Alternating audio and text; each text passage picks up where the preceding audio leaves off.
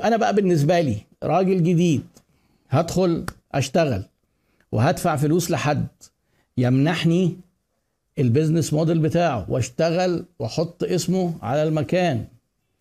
إيه ميزاته بالنسبة لي وإيه عيوبه؟ أول ميزة ال learning curve وال know how أنا لو داخل ال business جديد مثلا ما أعرفش في الملابس هدخل هخبط. ما أعرفش حاجة. هجيب منين؟ وهجيب بكام؟ وإيه الخامات؟ وإيه الموديلات؟ طب وارص الباترينا إزاي؟ طب واجيب. كل تفصيلة صغيرة فيها سؤال أنت ما تعرفوش. فبتاخد الحاجات دي على الجاهز بتاخد know how ب system الإدارة ب... بكل التفاصيل. والميزة الثانية بتاخد brand شغال. ولو ال franchise وال brand قوي أنت مفروض بتفتح من أول يوم شغال كأنك شغال بقالك كذا سنة. يعني لو انت رايح مثلا شغال هتشتغل franchise مع مكان معروف بقاله 20 سنة والناس قاعدة بتقول ليه مش بتفتحوا عندنا؟ ليه ده؟ أول ما انت هتفتح هتشتغل. بس بشرط إيه؟ إن المانح يكون عنده brand ويكون عنده system وهنا برضو إيه نقف عند النقطة دي عشان ده برضو وقت مناسب. إمتى أنت كشركة تقول أنا أبدأ بقى أعمل franchise يكون عندك الحاجتين دول. يكون اسمك بقى معروف. ما ينفعش تروح تقول يلا أنا ببيع franchise ده شركة إحنا لسه هنبدأها. يبقى مالكش قيمة خالص. أنت ليه هتاخد من الناس مليون واثنين وثلاثه طب ما أنت ما دام هتبدأ ما ابدا أنا. حتى لو هستنى وهتعلم شوية أو هشوف حد أو هوظف حد فاهم. أدفع لك ليه الملايين دي؟ لازم يبقى في brand معروف عشان هو ده اللي بيقلل المخاطرة. ما هو القصة كلها إيه؟ مخاطرة. بالنسبة للفرنشايزر والفرنشايزي السيستم الفرنشايز اتولد عشان يقلل المخاطرة للطرفين. طرف بيكبر من غير مخاطرة إنه يدفع فلوس اللي هو ال franchisor وطرف بيدخل ال business بيدفع فلوس بس من غير ما يدخل في مخاطرة إن هو لسه هيتعلم فاحتمال يخسر واحتمال أكبر إن هو يقفل. طبعا احتمال إن هو يقفل في ال franchise برضه موجود بس يعني المفروض انه أقل بكتير. فيبقى عندك إيه؟ لما يبقى عندك الاثنين دول اولا brand قوي و system بس system إيه؟ ما تجيش تقول لي أنا فاتح محل واحد وال system زي الفل أعمل بقى franchise لا ما ده ال system كده لسه مش كامل ومش tested ال system لازم يتحط قبل كلمة system حاجة كلمة تانية اسمها scalable system يعني إيه؟ ال system يقبل إن هو يكبر.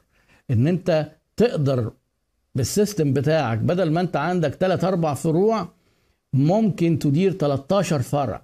يبقى عندك IT قوي وعندك شبكة بتربط الحاجات وعندك مخزن مركزي وممكن إمكانية إن انه يتربط بالمخازن مخازن الفروع. system scalable أنا حتى بشبهها بال plug and play لما كنا زمان بنشتري إيه أي حاجة كده نوصلها على الكمبيوتر. يمكن بقى الناس الشباب ما شافوش الكلام ده. إيه كان لازم يجي معاها floppy بتاع التعريف وتعريفها يعني. ال floppy ده برضو اختراع من امات إن إيه ال printer كده هتحطها كده تشتغل. لا طبعا مفيش الكلام ده لازم بقى إيه تعريف. ال plug and play إنك تحط كده الفيشة أو تحط كده ال USB البتاعة تشتغل. خلاص. هو كده الفرع. بتعمل الفرع وتقوم مركبه على ال system بسرعة جدا إيه يشتغل مش محتاجين. نقعد بقى نفكر طب يا ترى بقى مين اللي هيدير الفرع ده؟ طب يا ترى هيبقى إيه علاقة الفرع ده محاسبيا بالمعرفش إيه؟ إيه علاقة المخازن بالتوريد؟ طب هل الموردين هيوردوا عندنا ولا هيوردوا على الفروع؟ كل الحوسة دي معناها إن أنت لسه ما عندكش system scalable يبقى ما إيه؟ ما تقربش من الناحية دي دلوقتي خالص. يبقى بالنسبة للي داخل جديد الميزة قلنا إيه؟ risk قليل لأنه بياخد حاجة مش محتاج يقعد يتعلمها. ده حتى بتبقى فرصة إن هو ممكن يتعلم. آه يتعلم ال business في الحاجة دي في ال franchise ده عنده آه ده الميزة الثانية أنا قلت مخاطرة إن هو آه عشان ما هوش عارف فممكن يقفل ولسه هيبني سيستم طيب إيه العيوب بقى؟ العيوب مش قليلة بالنسبة للراجل الفرنشايزي اللي داخل جديد. أول عيب إن التكلفة أعلى. طبعا ما أنت هتاخد حاجة جاهزة. يعني انت هتاخد هتروح تشتري إيه بدلة غير انك انت بقى تروح تجيب قماش وتروح لحد يفصله لك ممكن يكون أوفر يعني. هتاخد حاجة جاهزة أعلى. طيب أعلى كتير أحيانا بيبقى أعلى كتير قوي. وأحيانا في ناس من ال franchisors دول بيبالغوا في إنهم يطلبوا مبالغ كبيرة. إيه إيه أنت لازم زي أي حاجة بتشتريها بتشوف الكفة اللي أنت هتاخد الحاجات اللي هتاخدها إيه واللي هتدفعه إيه. لما يبقى هتدفع فلوس كتير قوي. تسأل نفسك هل تستاهل؟ لأن دي تكلفة أعلى. يعني لو أنت افترضت إن مطعم fast food مثلا هتقدر سعادتك تعمله بتكلفة 700 800 ألف مليون جنيه. لو أنت هتروح تاخد franchise لنفس المطعم في نفس المكان بنفس الحجم والتجهيزات وكل حاجة ممكن مثلا يقولوا لك 4 مليون 5 مليون. كان في حد نشر رقم على عيادة الشركات إن ارابياتا طالبين 8 مليون. أنا طبعا مش متأكد بس نقلا عن اللي كاتب يعني. رقم كبير. فإيه؟ دي أول حاجة. تاني حاجة تاني حاجة هو العقد الإذعان اللي بقول لك عليه اللي هو الايه العقد اللي من طرف واحد ده. يعني أنت ما تتخيلش ان انت هتصاحب بقى الايه المال وال business بتاعك وهتقوم جاي كده زي الحاج عبد الغفور جايب كرسي قاعد قدام المحل بالشيشة وهات يلا البتاعة دي من هنا حطها لنا دي ده, ده هم لو جم لقوا مثلا مانيكان منقول هيعملوا لك مشكلة. لو نقلت زرعة من مكانه يعملوا لك مشكلة. تيجي تقول لهم ليه؟ أيوه هو كده ما تمدش إيدك. ما تمدش إيدك هي تقعد بقى في البيت. يعني إيه أنت ممكن تدير معانا ماشي خلاص. okay بدل ما بتاع خليك صاحب السبوبة قاعد. لكن لو سعادتك هتغير أي حاجة مشكلة. فأنت بتفقد إحساسك بالحرية وإن أنت مستثمر وإن أنت بتدي أوامر لموظفينك اللي على فكرة غالبا في معظم الأوقات أنت اللي متحمل مرتباتهم. بس ما فيش تعليمات ده بالعكس ده يجي يقول لك إيه أنت هنعتبرك مدير فرع وفي مدير فروع هيجي لك هيشرف عليك.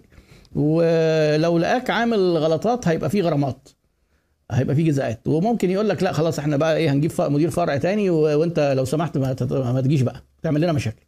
يا إما هنلغي العقد. طبعا إلغاء العقد كارثة للطرفين وهي كارثة للإيه لصاحب ال franchisor برضو أكبر إن هو يتحط يافطته وتنزل. يعني في مثلا من ضمن الحاجات اللي حصلت فروع كتير لمؤمن وده كان أول franchise اتعمل في مصر في ال fast food قبل ما ماكدونالدز ينزل مصر. فروع كتير اتقفلت. مونجيني مثلا برضو بتوع الحلويات قفلوا فروع. ده بيبقى شكله مش حلو. آه ممكن يكون ماكدونالدز فتحوا franchise دلوقتي لأن أنا حسيت إن هم توسعوا فعلا. بيطلب أربعة ونص مليون ومحل ملك.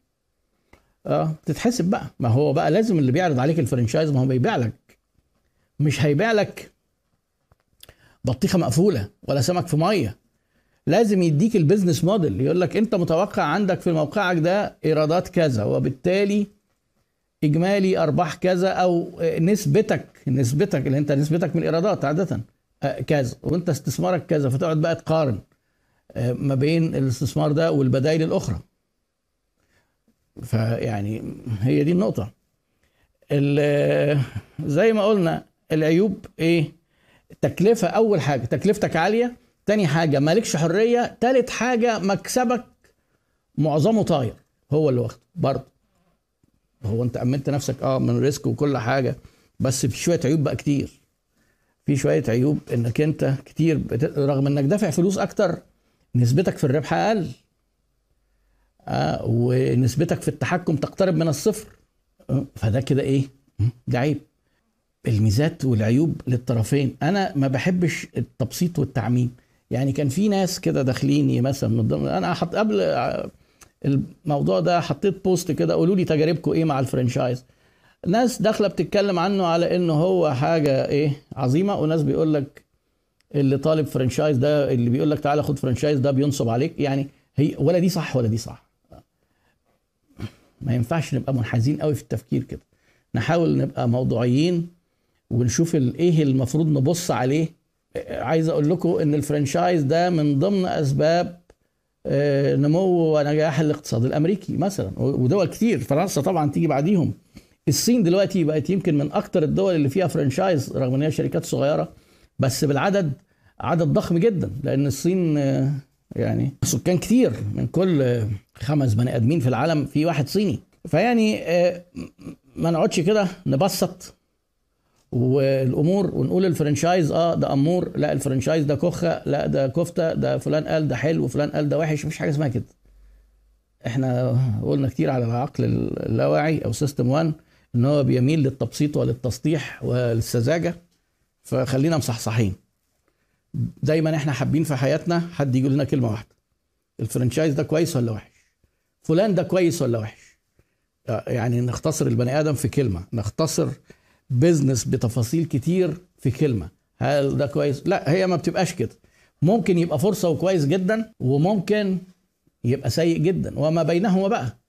في ناس كتير شغالة franchise وناجحة وفي franchise كتير في مصر بتفشل. وفي ناس أصحاب brandات مش أنا بقول لكم هي ميزة وبيكبر بفلوس الناس. في ناس بعد ما اشتغلوا بال franchise قرروا قال لك ما عدناش هندي franchise لحد. ده إحنا شفنا كمية مشاكل ضعف ال control وبعدين يفتح franchise يبقى حاسب لواحد ومدفعه كذا مليون تلاقي المكان ده ما يشتغلش. ما هو سوق برضه وايه الموضوع ما بيبقاش مضمون 100% فالراجل يقعد يتخانق معاهم كل شوية ده أنتوا قلتوا لي وأنتوا وعدتوني. في ساعات بيضطروا يشتروا منه الفرع عشان ما ينزلش اليافطة. في ساعات بيضطروا يحاولوا واحد تاني يدخل. نقطة مهمة بقى عشان إحنا الفرق ما بين أي حد عايز يعمل فرنشايز أنصحه يعمل الحكاية دي. فرق ما بيننا وما بين الأسواق الناضجة إن لما بيجي يديك يعرض عليك ال franchise بيديك document كده تفصيلية آه، فيها بعض المعلومات لما ندخل في الجد في التفاوض. من ضمن المعلومات دي يقول لك بشفافية. فاكرين إحنا اتكلمنا في فيديو مرة على الشفافية؟ transparency أنا دلوقتي بقول لك تعالى ادفع 4 مليون جنيه. طيب هدفعهم على أساس إيه؟ آدي اتفضل كل التفاصيل اللي أنت عايزها. من ضمن التفاصيل دي بند مهم جدا. آدي كل فروعنا بعناوينها بتليفوناتنا تليفوناتها. وادي الفروع اللي فرنشايز وعناوين أصحابها وعناوين الفروع وتليفونات الناس. تروح تتكلم معاهم. ما تاخدش فرنشايز لو سمحت من شركة غير لما تروح لحد عمل التجربة دي قبلك وتقول له إيه الأخبار؟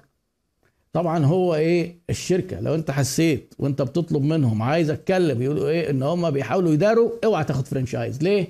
هتروح تتكلم هتلاقيهم فاشلين. بالظبط زي ما أنت بتيجي تروح تشتري أي حاجة. طب مين زباين اشترت دي قبل كده عايز اتصل بيهم؟ لا أصل مش معانا التليفونات. أصل اللي معاه التليفونات خرج يروح يجيب بجيرة صدر هالواخر ده من الدهلولة هناك وبعد كده هنبقى نشوف الموضوع ده. خلاص بيتوهوا يعني. لا ما تروحش بقى. خلاص ما تروحش للقصة دي.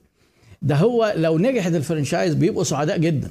اولا صاحب الفرنشايز الفرنشايزر بيقول لك اتفضل اسأل فلان وفلان وفلان وفلان ادي فروعهم وشغالين زي الفل. ولما تروح تسأل الراجل عشان هو إيه عايز يبين لك قد إيه إن هو خد قرار يعني في حياته صحيح. يقول لك آه فعلا دول ناس كويسين كذا وبنعمل كذا. وطبعا لازم تراعي ثقافة الناس إن هم بيخافوا من الحسد فيعني ممكن يديك شوية معلومات مضللة بس أنت هتحس وهتعرف فيعني إيه؟ مش كل اللي بيتقال نظري بيحصل. وخصوصا ده استثمار. استثمار يعني risk في كل الأحوال. ما فيش حاجة اسمها zero risk. مفيش حاجة اسمها صفر مخاطرة. ما فيش خالص. أساسا ال franchisor عنده مخاطرة. وفي مطاعم قفلت بالكامل لأنها دخلت في ال franchise بسذاجة. لو تسمعوا عن مطعم اسمه بسماتيو اختفى. 13 فرع اتقفلوا. ليه؟ توسع بشكل غير مدروس. مفيش scalable system مفيش brand مفيش quality ما عادش فيه بيع. محلات فاتحة وبتدفع إيجارات. ما بتبيعش. اختفى من الوجود تماما. ما تاخدش الكلام على علاته ناخد بقى أسئلة.